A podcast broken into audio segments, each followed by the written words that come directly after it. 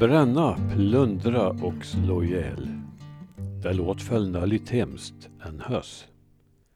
Men så stod det i en rubrik i eh, Nya Värmlandstidningen i en krönika som jag själv har skrev den 21 i 12 2013 och det handlar alltså om ofredstider i norra Värmland. Det kanske var lite dålig timing att lägga ut den krönikan just när julfriden började sänka sig. Men det hade å andra sidan folk gött om tid att läs. För 450 år sedan, i augusti 1563, kom en dansk herold till Stockholms slott och inför kung Erik den XIV läste han upp danske kungen Fredrik den andres krigsförklaring. Krigsförklaringen hade föregåtts av svenska provokationer.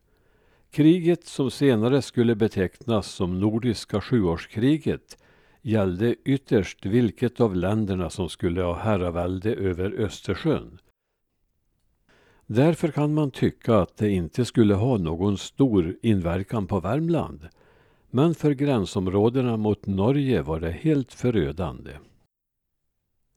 Det var nämligen så att Norge vid den här tiden lydde under danskarna och på så sätt blev indraget i kriget.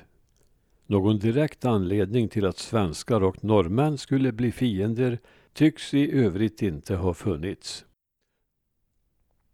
Till stor del fördes kriget till sjöss och där hade svenska flottan störst framgång. Till lands gällde parollen att bränna, plundra och slå ihjäl. Som ska vara ett citat av den svenske kungen.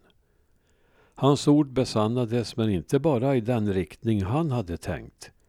Flera svenska orter såsom Jönköping, Vadstena och Alvastra brändes av danskarna. De värmländska gränstrakterna råkade illa ut. Den största förödelsen som en fiendemakt dittills orsakat Värmland.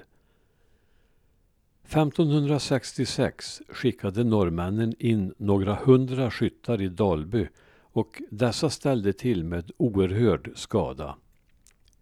Förutom att de lyckades gripa några bönder brände de ner ett tiotal gårdar eller byar. Dessa var Persby, Ransby, Ovansjögårdarna och Höljes. Kanske dessutom Långav. Om man ser till Värmland i stort blev hela 350 gårdar brända bara under 1566. Lidandet var stort, oproportionerligt större än de territoriella förändringar kriget medförde. De brända byarna fick några års skattebefrielse för att kunna återhämta sig och strängt taget fanns nog ingenting att skatta med. Under kriget gifte sig Erik den XIV med Karin Månsdotter och detta var en utlösande faktor till att hans bröder Karl och Johan startade ett uppror och fick Erik avsatt. Johan den tredje tog över riket och kriget. Danskarna kunde inte dra någon fördel av oroligheterna i Sverige och kriget fortgick ett par år innan denna olycka var över. Värmland klarade sig utan angrepp de sista krigsåren. Det är hembygdsforskaren Lars Bäckvall eh, som levde mellan 1858 och 1935 som har samlat fakta om krigshandlingar som drabbat norra Värmland och han berättar också för oss att det var under Nordiska sjuårskriget som brännvinet började komma mer i allmänt bruk i Sverige. I Ransby, en av de brända byarna, finns vid Klarälvens strand resterna av en gammal skansanläggning.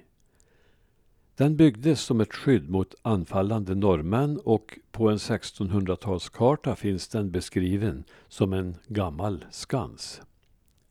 Det är därför troligt att den användes under Nordiska sjuårskriget men att Dalbyborna inte nog effektivt lyckades stå emot norrmännen som anföll från Digerheden på andra sidan älven. Idag är Skansen nästan helt utbruten av den eroderande Klarälven.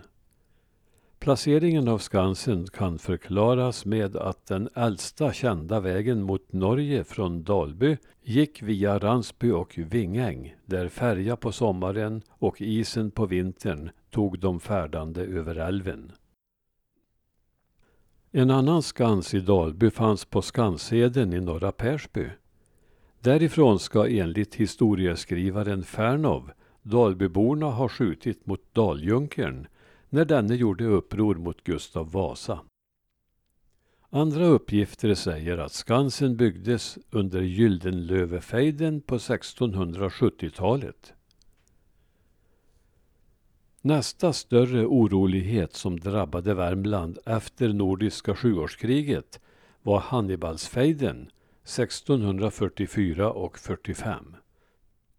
Den bröt ut som en utlöpare till ett krig som startats mellan Sverige och Danmark-Norge medan det 30-åriga kriget fortfarande pågick ute i Europa.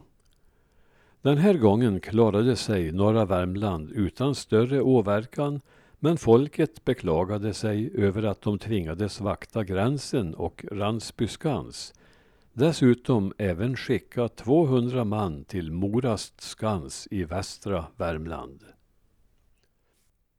Detta var vid den tid de första svedjefinnarna anlänt till gränstrakterna i norr och deras likgiltighet för vad gränsen mellan länderna innebar upprörde nordvärmlänningarna som skrev till kungs.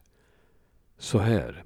Eftersom några finnar som ligga och bo på Älvdalsskogarna icke allenast utdöda skogen men det ingen tjänst vilja göra kronan med vakt eller annat sådant men hellre draga in i Norge att uppäga fienden till motstånd. I Gyldenlövefejden 1675 till 79 kom finnarna på skogen åter i ett komplicerat läge. De hade ju nyligen befolkat de djupa skogarna på båda sidor av riksgränsen och även om Finland hörde till Sverige vid den här tiden kände sig finnarna i Värmlands och Solörs skogar mer som ett eget folk än som svenskar och norrmän, oberoende av var rikslinjen råkade vara dragen. Många hade sina släktingar och vänner på andra sidan gränsen.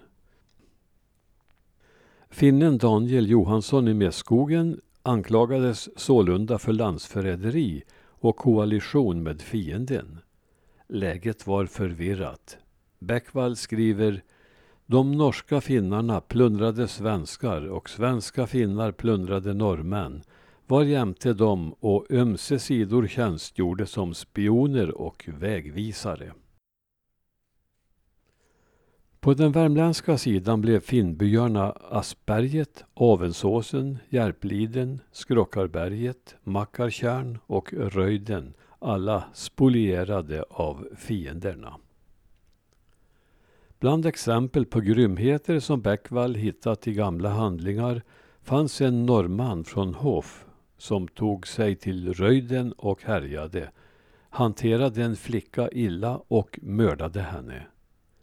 Sedan tog han en annan piga och boskapen med sig. Kvinnor, barn, orkeslösa och sjuklingar flydde till skogarna Matvaror gömdes undan i hålor och gropar i jorden, liksom penningar och silver. Under Karl XIIs långa krigsperiod blev läget akut för norra Värmlands befolkning 1709 då Danmark-Norge förklarade Sverige krig. Handeln mellan länderna stoppades och allmogen skickades till gränsen med kulor och krut. I februari 1710 kom halva Älvdals kompani till Vingäng som hjälp till bygdens folk vid gränsbevakningen. Men några fientliga anfall blev det inte.